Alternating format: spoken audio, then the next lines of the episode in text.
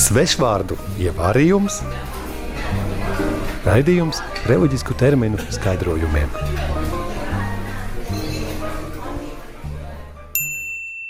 Šodienas burts ir Burts B. Baldahīns. Pārnēsājams jumtiņš, kuru procesijas laikā parasti nes četri kalpotāji. Tādējādi pasargājot no nelabvēlīgiem laika apstākļiem garīdznieku, kas nes visvētāko sakramentu monstrancē un, kas vēl svarīgāk, pašu monstranci. Termins cēlies no itāļu vārda baldacino, kas nozīmē pārsegs. Tas var būt grēznis, audekla jumts, kas novietots virs troņa, altāra, varbūt balstīts ar nelielām kolonnām. Viduslaikos īpaši plaši izmantots. Un tagad sadzīviskais skaidrojums. Nu, baldahinam arī ir, ir dažādas formas. Runa bija par četriem cilvēkiem, bet es redzēju arī tādus baldahinus ar sešiem kātiem, kuri seši cilvēki nesa.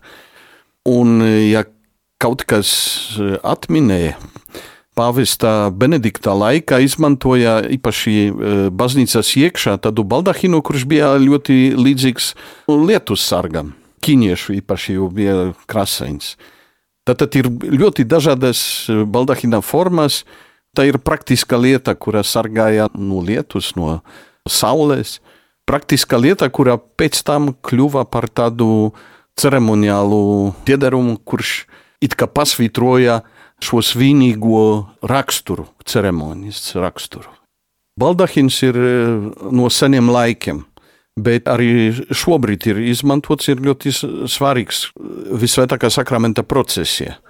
Īpaši ārā, kur apstākļi ir ļoti dažādi, un baldahins ir ne tikai ceremoniālā lieta, bet arī ļoti praktiska.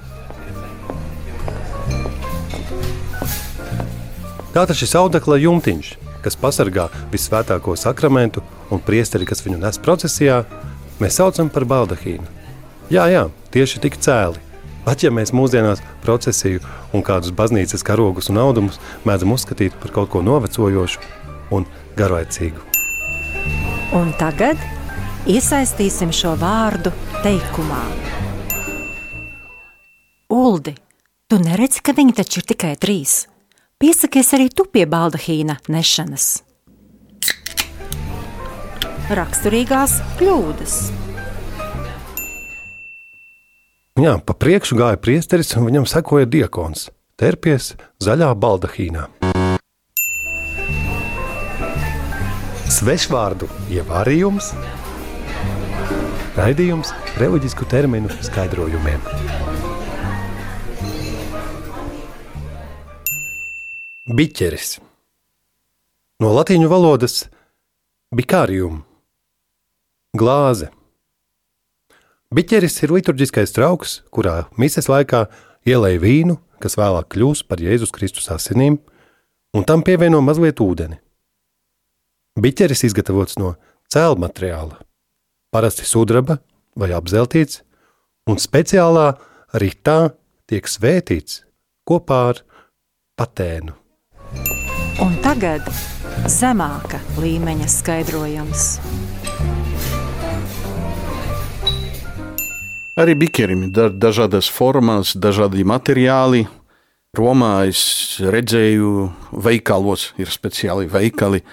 Bikerus, kuri ir taisīti no, ne tikai no metāla, bet arī, arī no mālas, no alabastra, pat no koka, olīves koka. Viszināmais bikeris ir svētais grāls. Grāls ir no vecpaņu vārdā griela. Nu, tas nozīmē arī bikeris vīnā dzeršanai. Bet e, zinātnieki apgalvo, ka tas svētais grāls ir autentiska lieta, kurā lietotā Jēzus laika. Nozīmē, ka te ne, nebija vienkārši bikeris vai kāds e, cits trauks, bet e, no dārgā, dārgā materiāla, halcedona, izmantots īpašas ceremonijas. Un pasha Jūdu pascha tas bija speciālā tāda tā vakariņa, kurā bija it kā mājas liturģija. Tāpēc ir saprotams, ka tādos apstākļos eh, jūdi izmantoja nevis vienkāršas eh, lietas, bet tik dārgas traukus. Mūsdienās ir arī dažādi, arī lielāki bikeri.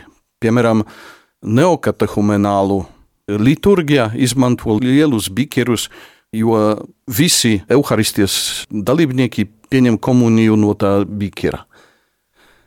Tātad arī šobrīd ir bikeru dažādība. Biķera skaistums un noslēpumainība piesaista ne tikai ticīgos. Piemēram, Harija Potera grāmatu sērijā vienu no grāmatām sauc Harijs Poters un Uguns biķeris. Tāpat Dens Brauns savā romānā Da Vinčī kods apraksta svētā grāla meklējumus.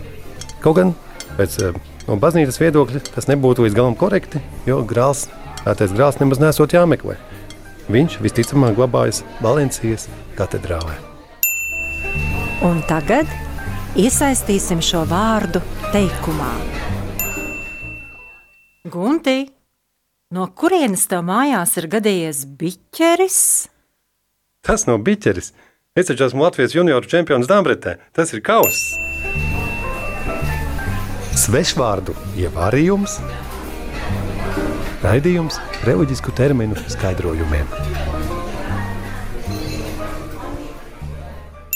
Raidījumu svešvārdu ievārījums veidoja viesturs Vizulis, priesteris Tadeušs Češļaks un māsa kalpone Ginta.